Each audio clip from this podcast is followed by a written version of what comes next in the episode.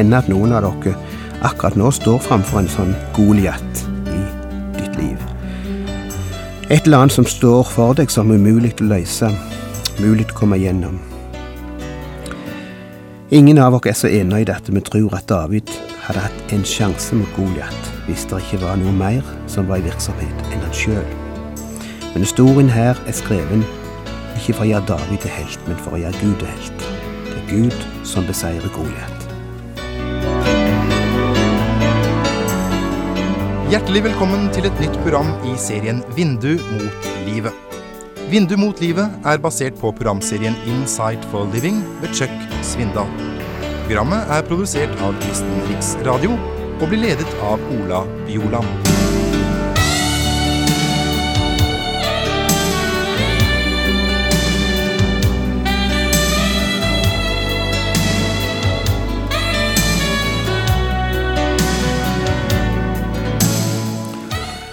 Jeg husker hvor rart det var for meg, hvor inntrykk det gjorde på meg når jeg en gang sa det å lese gjennom historien om David og Goliat. I slutten av august i 1989, var det vel, da Sovjetunionen opplevde en revolusjon. Først var det dette dramatiske kuppet, og verden holdt pusten mens tanks rulla gjennom Moskvas gate. Og like fram til det russiske parlament, ja, det var ikke i 1989, det var på begynnelsen av 90-tallet, rulla fram like til det russiske parlament, der Boris Jeltsin satt. Og vi lurte på, skal overmakten og våpen igjen klare å få folket til å bøye seg for tyranniet? Det var fryktelig spennende og nifst. For hva kan vel våpenløse mennesker gjøre mot verdens nest største militærmakt? Men så viste det seg at der det er en overbevisning og et mot, der kan sjøl ikke våpner vinne.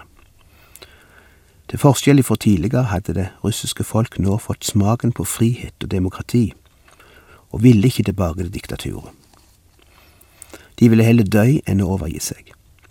Og vi blei vitne til de utroligste scenene, der folk klatra opp på tanksene og sloss så å si med bare nevene mot de flere tonn store stridsvognene.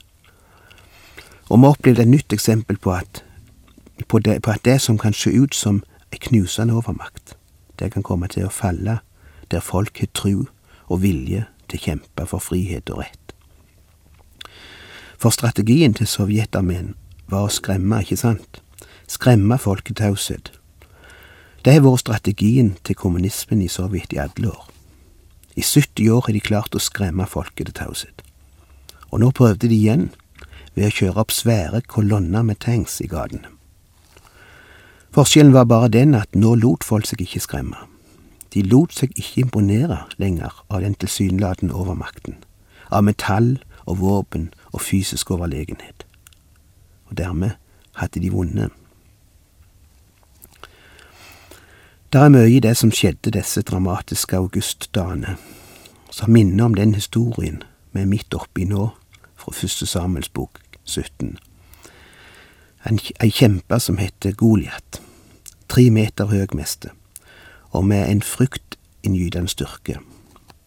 Og en like fryktinngytende rustning, kommer ut på sletta to ganger om dagen og roper og skråler for å skremme israelittene. Og han klarer det. Kong Saul med heile sin hær er så redde at det skralla i knærne deres. Inntil David kjem inn på scenen. En liten gjetergutt, uten verken våpen eller fysisk styrke. Men han har noe som de andre ikke har. Han har tru. Han har tillit til Gud. Han vet at endog verdens sterkeste mann, eller verdens største hær, kan ikke stoppe den som kjemper for rettferdigheten og for Gud. Dermed er vi tilbake der vi måtte bryte sist.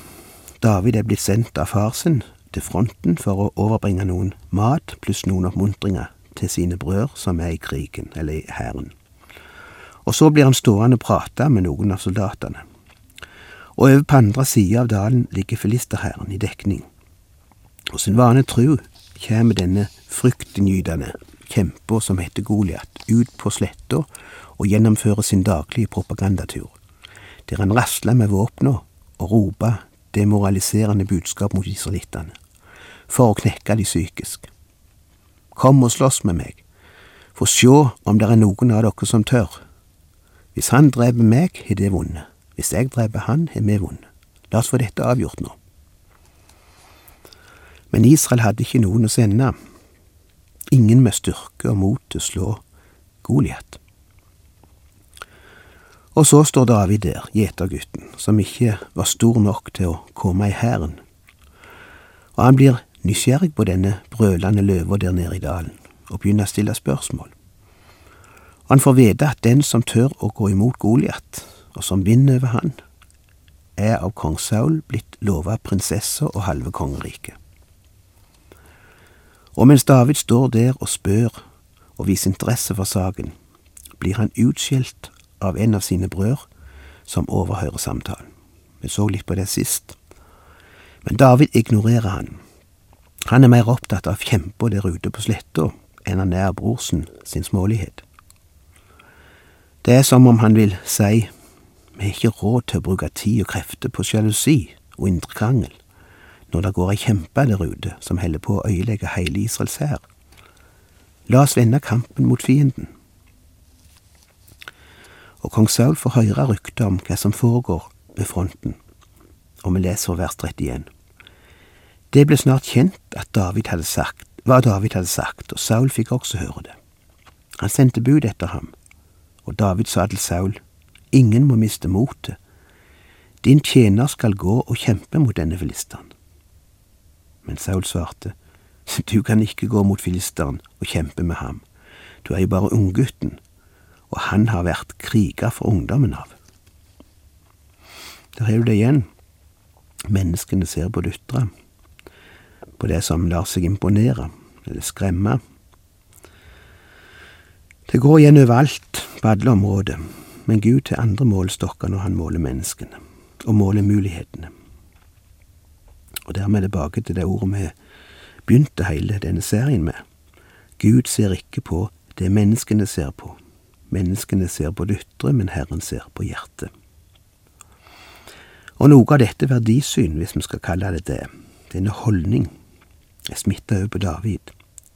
Han har et helt annet syn på tinga enn de andre og det er som om han står der og hører på Saul, som oppskjørta og nervøst, men også litt overraska spørjende, sier til han, du er ikke typen vi er på leiting etter. Du er ikke den rette størrelse, ganske enkelt. Du er bare en liten dverg i forhold til den kjempa der ute. Jeg syns jeg hører David si med seg sjøl, hvilken kjempe? Jeg kan ikke sjå noen kjempe. Den eneste kjempa i mitt liv er Gud. Og den kjøttklumpen som står der og skriker ute på sletta, er en dverg, Saul. Ser du ikke det? Han kan sjå så stor og fryktinngytende ut som han vil, men han er ingenting. Jeg ser ingen kjempe, Saul. Jeg ser bare et forskremt folk som har glemt hvem Gud er, og derfor lar seg skremme av størrelsen på mennesket. Nå forstår dere kanskje hvorfor jeg har kalt de to siste programmene David og dvergen. Vi kjenner fortellingen som historien om David og Goliat. Men når en tar i betraktning hvilket side Gud står på, så blir det David og dvergen. Det er ikke for å henge ut de menneskene i dag som er kortvokste, sjølsagt. Jeg bruker ordet dverg ikke som et skjellsord, sjølsagt, men som en motsetning til ordet kjempe, uten å legge noe mindreverdig i det å være dverg. Vi som sjøl kjenner nydelige mennesker som gjerne er i den kategorien, som kalles dverger, kunne ikke tenke oss å si noe nedverdigende om dem. Tvert om, hele denne teksten viser jo at Gud nettopp ikke ser på ytre størrelse eller ytre styrke. Så der står David og diskuterer med kong Saul, og Saul sier, jeg beklager å måtte si det, småen, men du er ikke den rette mannen for oss. Og vi leser i vers 34. Da sa David, Din tjener har ofte gitt småfe for sin far. Kom det da en løve eller en bjørn og tok en sau i flokken, sprang jeg etter den, slo den og rev sauen ut av gapet på den. Og reiste den seg mot meg, tok jeg den i ragget og slo den i hæl. Både løven og bjørn har din tjener felt, og det skal gå denne uomskårne filisteren som dem, for han har hånet den levende Guds fylkinger. Og David la til, Herren som har berget meg fra løve og bjørn, han skal også berge meg fra denne filisteren. Hva er det som skiller David ut her ifra Saul og alle de andre? Hva er det som gjør han annerledes? Jeg tror nøkkelen ligger i disse versene vi nettopp las her. David husker noe som de andre har glemt. Også Saul og Israels hær har opplevd at Gud har nedkjempet Goliater før, hundre ganger. Hele Israels historie er en historie om Davider og Goliater. Men Saul og hans folk er akkurat slik som alle menneskene, de glemmer. I det øyeblikk de står framfor en ny trussel, glemmer de.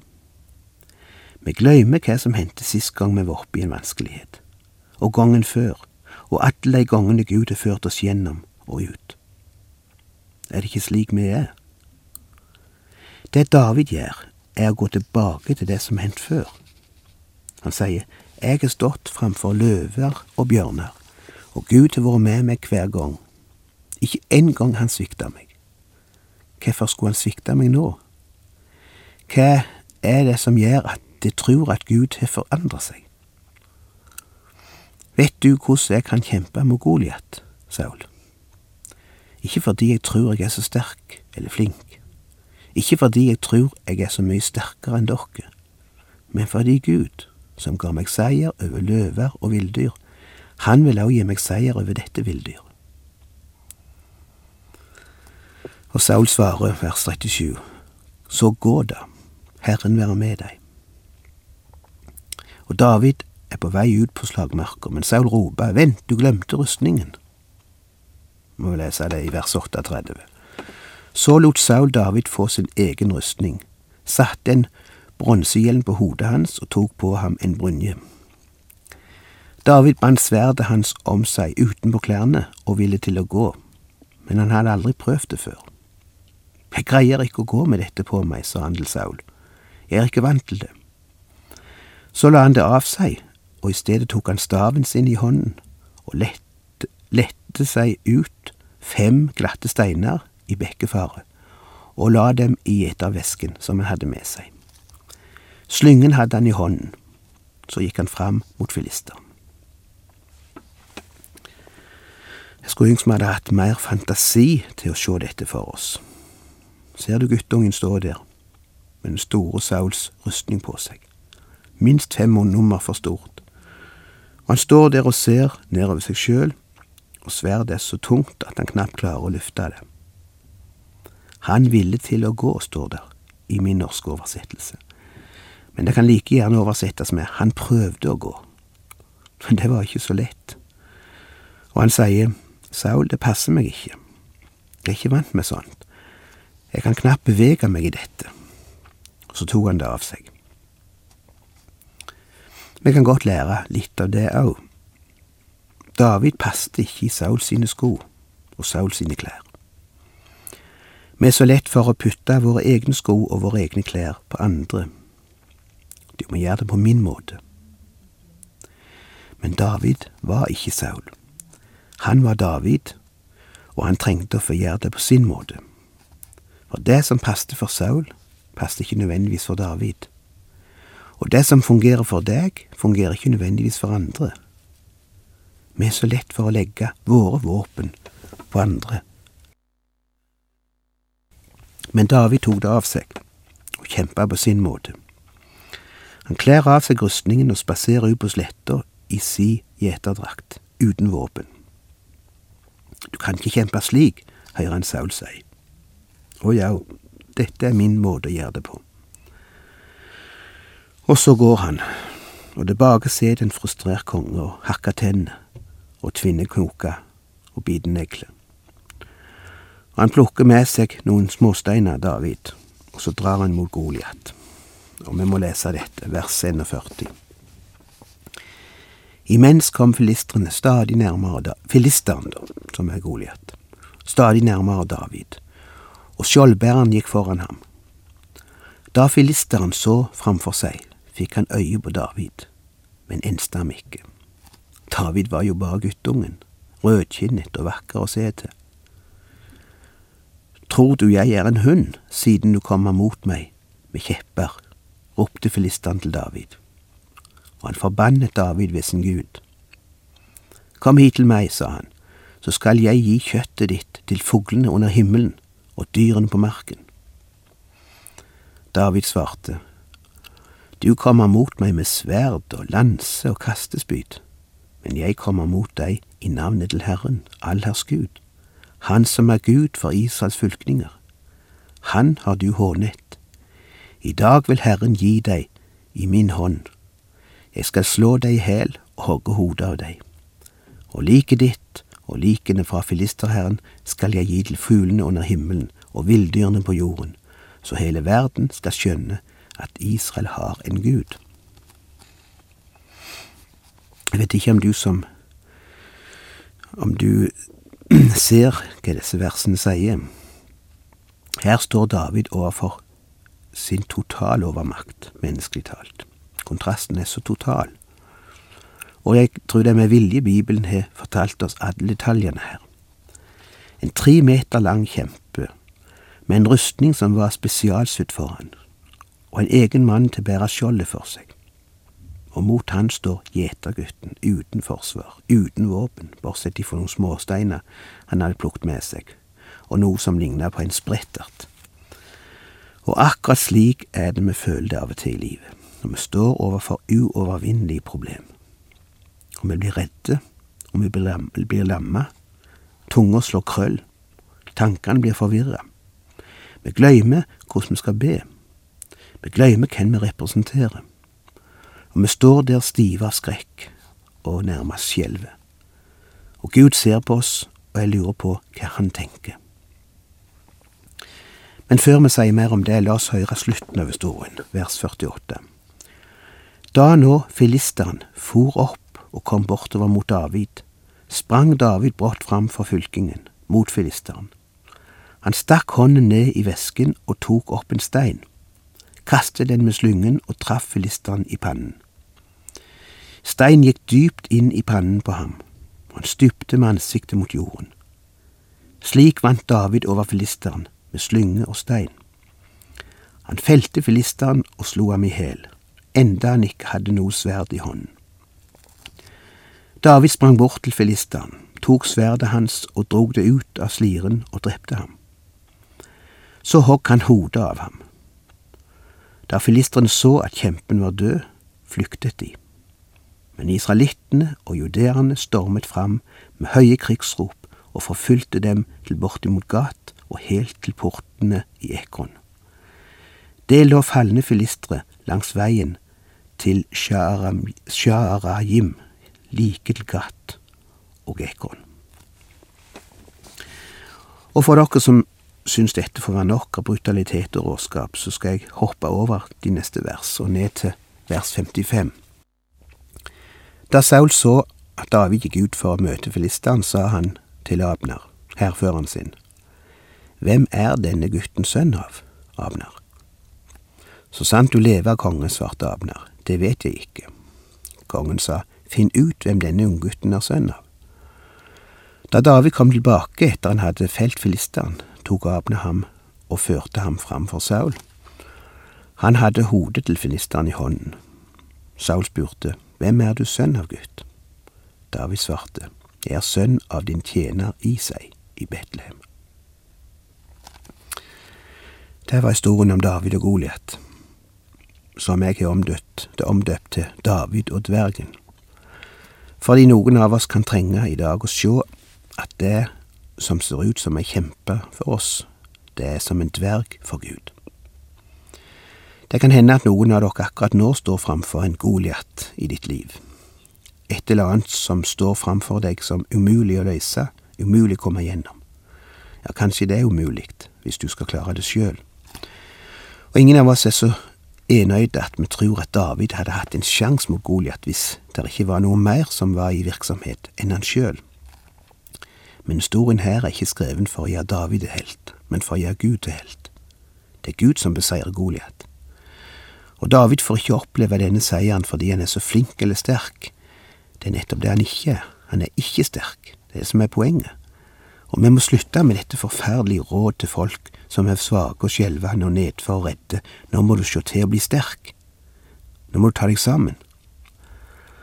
Ja, men problemet er, hvor skal jeg ta styrken min fra? Jeg har ingen styrke. Jeg er tom.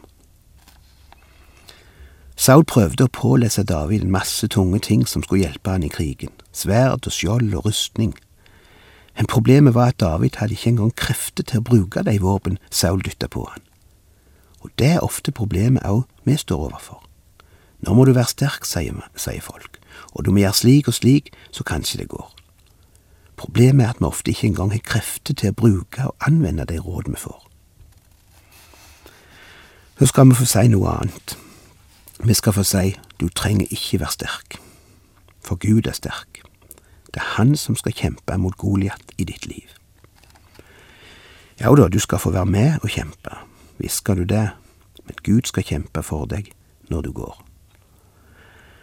Derfor er vi så glade i det kjerneordet fra Bibelen som sier Herren skal stride for dere, og dere skal være stille. Jeg tror det er dette denne fortellingen vil lære oss. Jeg tror den vil kviskre noe inn i øret til noen i dag. Du som ikke har mer styrke igjen, husk at Herren vil være din styrke. Han har aldri hatt problem med å nedkjempe en Goliat. Det er ikke fienden som er hans problem. Problemet er mennesket som glemmer hvem Gud er.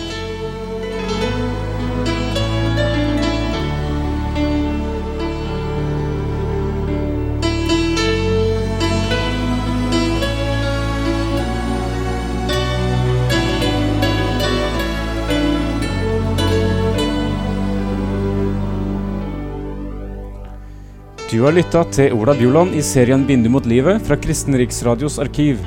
Ola Bjoland var ansatt i Kristen Riksradio til han døde i 2002.